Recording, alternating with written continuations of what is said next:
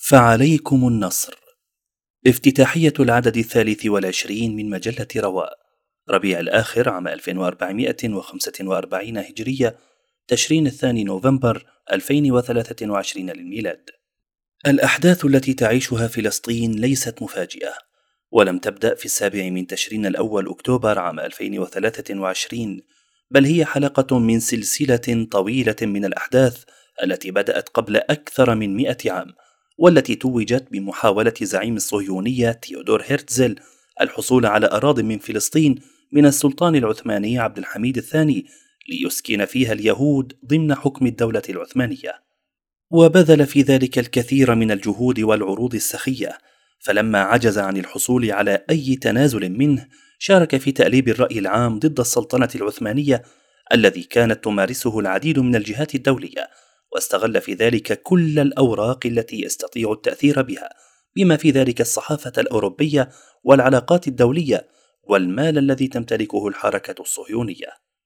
وجاءت الفرصة مواتية للصهيونية بعد هزيمة ألمانيا وحلفائها في الحرب العالمية الأولى، واقتسام المنتصرين أراضي الدولة العثمانية بما في ذلك بلاد الشام. حيث كانت فلسطين من نصيب بريطانيا، فقدم وزير خارجيتها بلفور وعده المشؤوم بإنشاء وطن قومي لليهود في فلسطين عام 1917 وبعد ذلك بدأت أربع سلاسل متوازية من الأحداث. تسلل العصابات اليهودية المسلحة إلى فلسطين تحت حماية بريطانيا وتمكينهم من تملك الأراضي بالشراء والغصب والسياسة والتخويف بالمجازر انتهاء بإعلان دولتهم عام 1948 دعم دولة الكيان ومؤازرته سياسيا واقتصاديا وعسكريا من طرف الدول والقوى الاستعمارية الكبرى. الخذلان والخزي من قادة الدول العربية والإسلامية التي تدرجت من تدجين الشعوب وإلهائهم إلى التطبيع مع المحتل والتعاون معه مع قمع كل صوت معارض ومعترض ومقاوم لهذا الاحتلال. صفحات البطولة والفداء التي تمثلت في مقاومة المحتل وجهاته. وهكذا تدرجت القضية الواضحة العادلة من كونها قضية إسلامية تعني كل المسلمين إلى قضية عربية قومية تنادي بها تيارات عروبية قومية علمانية إلى قضية فلسطينية مؤكلة بالقيادات الفلسطينية المتصدرة في المؤتمرات والأروقة السياسية الدولية. وانتهى بها الحال إلى اعتبار غزة حالة خاصة مستعصية على المجتمع الدولي تستحق كل أشكال الحصار والتضييق وقطع الإمدادات عنها حتى تركع تحت ضغط التجويع والتدمير والقتل وتفقد دفاعها عن القضية. إشكالية السردية.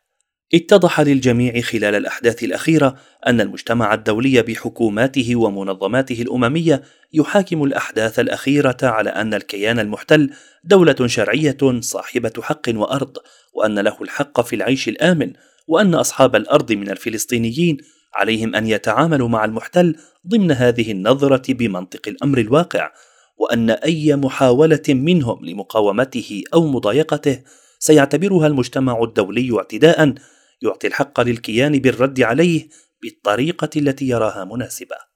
كما تحولت اعتداءات الغاصبين على مقدسات المسلمين خصوصا أولى القبلتين وعملهم على هدمه من أجل إقامة الهيكل المزعوم إلى استعادة مشروعة لمعبدهم لإقامة طقوسهم الدينية.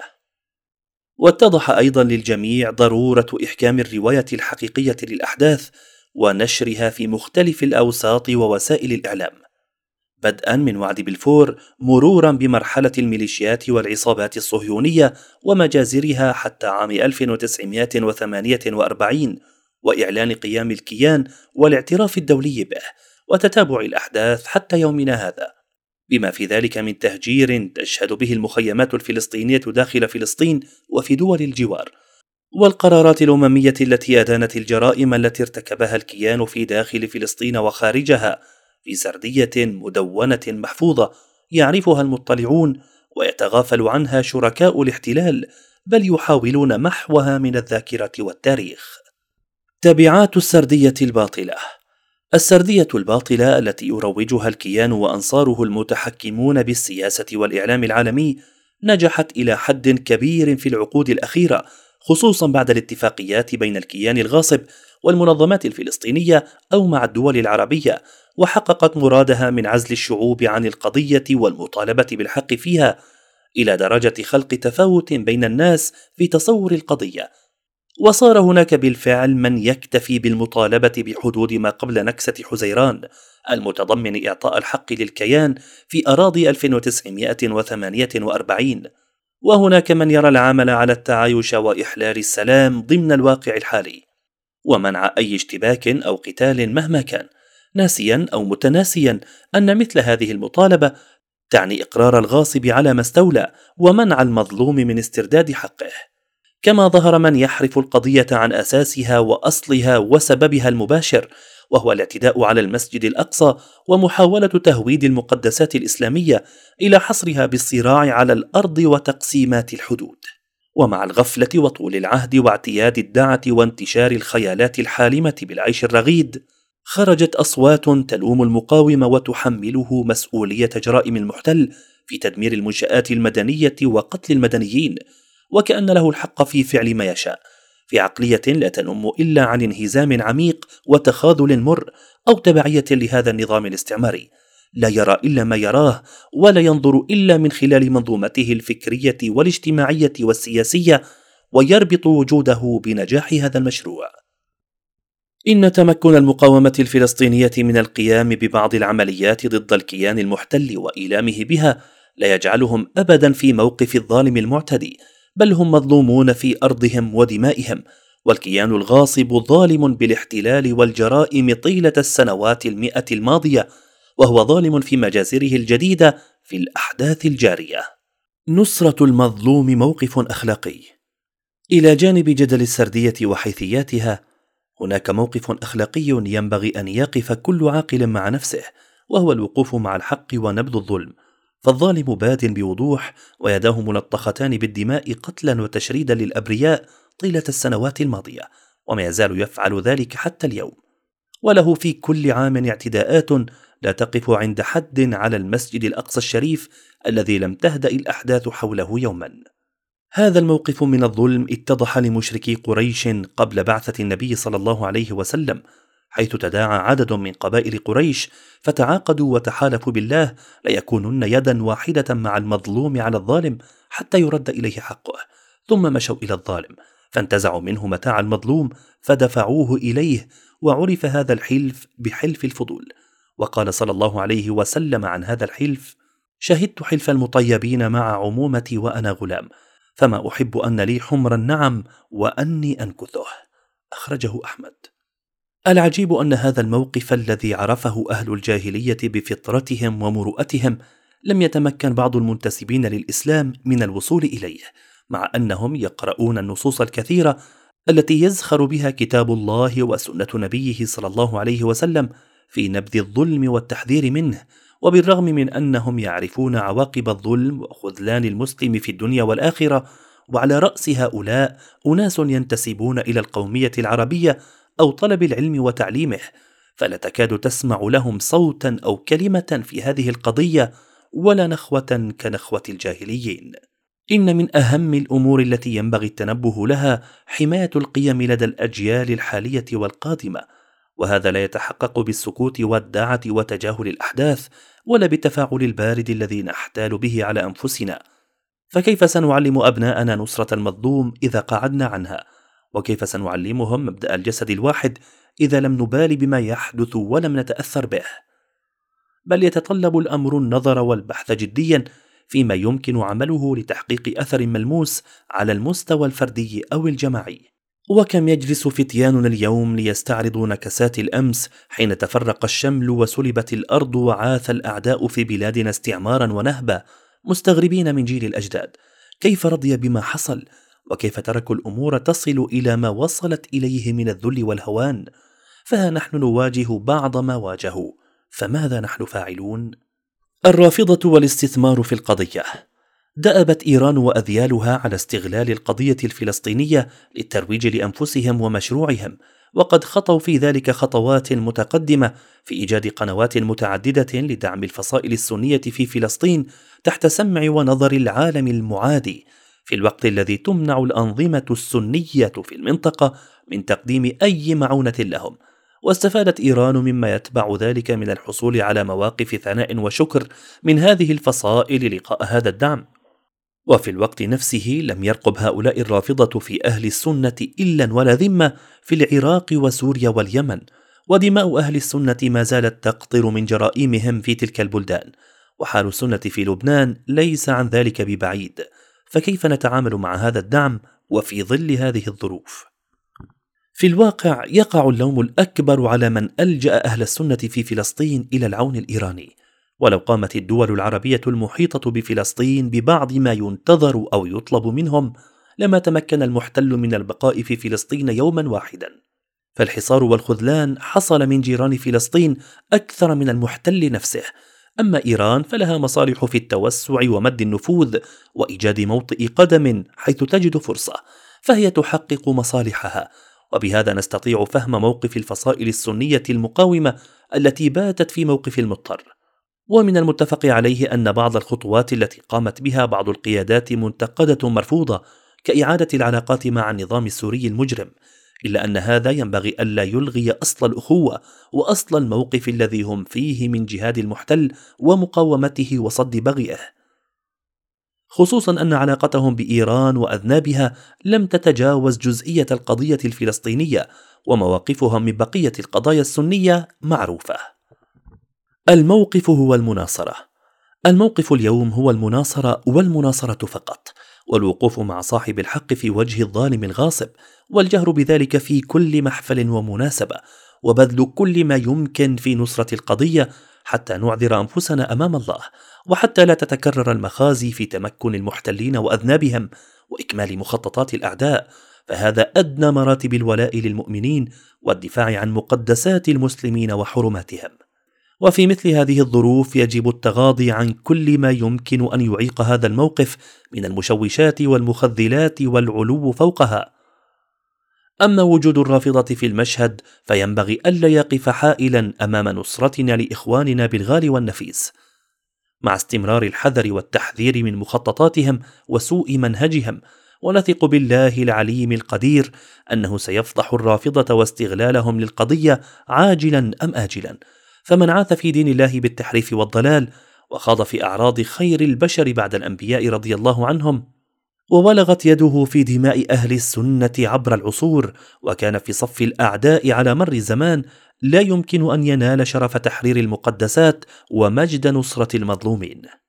ما الذي يوقف هذه الحملة الشعواء إذا بقينا متفرقين متفرجين؟ فالمسلم أخو المسلم ينصره في الوقت الذي يحتاج فيه إلى نصرته قال صلى الله عليه وسلم انصر أخاك ظالما أو مظلوما. فقال رجل يا رسول الله أنصره إذا كان مظلوما أفرأيت إذا كان ظالما كيف أنصره؟ قال تحجزه أو تمنعه من الظلم فإن ذلك نصره. أخرجه البخاري. وفي الصحيحين عن النبي صلى الله عليه وسلم أنه قال المسلم أخو المسلم لا يظلمه ولا يسلمه ومن كان في حاجة أخيه كان الله في حاجته. ومن فرج عن مسلم كربة فرج الله عنه كربة من كربات يوم القيامة ومن ستر مسلما ستره الله يوم القيامة. وعن جابر بن عبد الله وأبي طلحة الأنصاري رضي الله عنهما أنهما قالا قال رسول الله صلى الله عليه وسلم ما من امرئ يخذل امرأ مسلما في موضع تنتهك فيه حرمته وينتقص فيه من عرضه إلا خذله الله في موطن يحب فيه نصرته وما من امرئ ينصر مسلما في موضع ينتقص فيه من عرضه وينتهك فيه من حرمته إلا نصره الله في موطن يحب نصرته. أخرجه أبو داود. قال صاحب عون المعبود والمعنى ليس أحد يترك نصرة مسلم مع وجود القدرة عليه بالقول أو الفعل عند حضور غيبته أو إهانته أو ضربه أو قتله إلا خذله الله. بلاد الشام والتمحيص الكبير. الظلم الذي شهدته بلاد الشام في القرن المنصرم ظلم لا مثيل له في تاريخ البشرية. فالنصيرية الباطنية في سوريا واليهود الصهاينة في فلسطين تفننوا في إذاقة أهل الشام ويلات وويلات في الإذلال والتنكيل والقتل والتشريد والاعتداء على المقدسات والمحرمات. وكما كان الرافضة ودول الشرق داعمين للنصيرية في سوريا لم تتخلف دول الغرب عن دعم الكيان المحتل في فلسطين. والله تعالى يبتلي عباده المؤمنين ويمتحنهم بالبأساء والضراء لحكم كثيرة فالابتلاءات تكفر الخطايا وتمحوها. قال صلى الله عليه وسلم ما يصيب المسلم من نصب ولا وصب ولا هم ولا حزن ولا أذى ولا غم حتى الشوكة يشاكها إلا كفر الله بها من خطاياه. أخرجه البخاري ومسلم. كما ترفع الدرجات وتضاعف الحسنات. سئل رسول الله صلى الله عليه وسلم أي الناس أشد بلاء؟ قال الأنبياء. ثم الأمثل فالأمثل. فما يبرح البلاء بالعبد حتى يتركه يمشي على الأرض وما عليه خطيئة. أخرجه الترمذي وابن ماجه. وتارة يقع البلاء لتمحيص المؤمنين وتمييزهم عن المنافقين. قال تعالى أحسب الناس أن يتركوا أن يقولوا آمنا وهم لا يفتنون. ولقد فتنا الذين من قبلهم فليعلمن الله الذين صدقوا وليعلمن الكاذبين. فيبتلي الله عباده ليتميز المؤمنون الصادقون عن غيرهم وليعرف الصابرون على البلاء من غير الصابرين. وهذا التمحيص تعرض له المسلمون الأولون في بطحاء مكة وحرها فصبروا حتى مكنهم الله من حكم ما بين الخافقين. وتعرض له قبلهم أتباع الأنبياء فصبروا حتى نالوا ما نالوا من الأجر والشرف العظيم. وبلاد الشام خير مدنها وحواضرها بيت المقدس وأكنافها فهي مسرى النبي صلى الله عليه وسلم وفيها من الفضائل أحاديث كثيرة منها قوله صلى الله عليه وسلم لا تزال طائفة من أمتي على الدين ظاهرين لعدوهم قاهرين لا يضرهم من خالفهم إلا ما أصابهم من لاواء حتى يأتيهم أمر الله وهم كذلك قالوا يا رسول الله وأين هم؟ قال ببيت المقدس وأكناف بيت المقدس. أخرجه أحمد. وتليها دمشق التي ستكون فسطاط المسلمين في الملاحم. إن فسطاط المسلمين يوم الملحمة بالغوطة إلى جانب مدينة يقال لها دمشق من خير مدائن الشام. أخرجه أبو داود. وعليها سينزل نبي الله عيسى بن مريم عليه السلام كما في حديث لا تقوم الساعة حتى ينزل فيكم ابن مريم حكما مقسطا. أخرجه البخاري. وحديث فينزل عند المنارة البيضاء شرقية دمشق بين مهرودتين واضعا كفيه على أجنحة ملكين.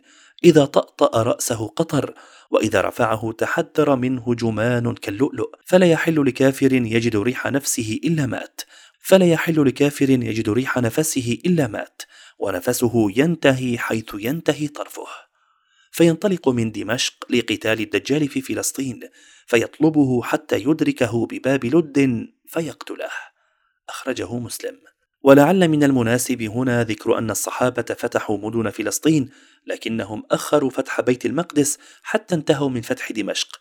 وكذلك فعل نور الدين وصلاح الدين من بعده فهاتان المدينتان بينهما رابط وثيق وصلة عميقة في الماضي والمستقبل. نظرة تفاؤل. نثق بوعد الله بأنه سينصر دينه ويعلي كلمته وقد يبتلي الله عباده قبل النصر ليمحصهم وينقي صفهم من المنافقين والمتسلقين. وبعض النصر حاصل اليوم بظهور حجة أصحاب الحق وبيان عوار أهل الظلم والباطل ووعي الأجيال الناشئه بحقيقة الأمر بالرغم من سيول الملهيات وطوفان الفتن التي تواجههم وتكاد تغرقهم في التفاهة والرذيلة. لكن الله يقدر من الأحداث ما يفشل جهود أهل الباطل ويبدد ظلامهم ويجمع القلوب على الحق.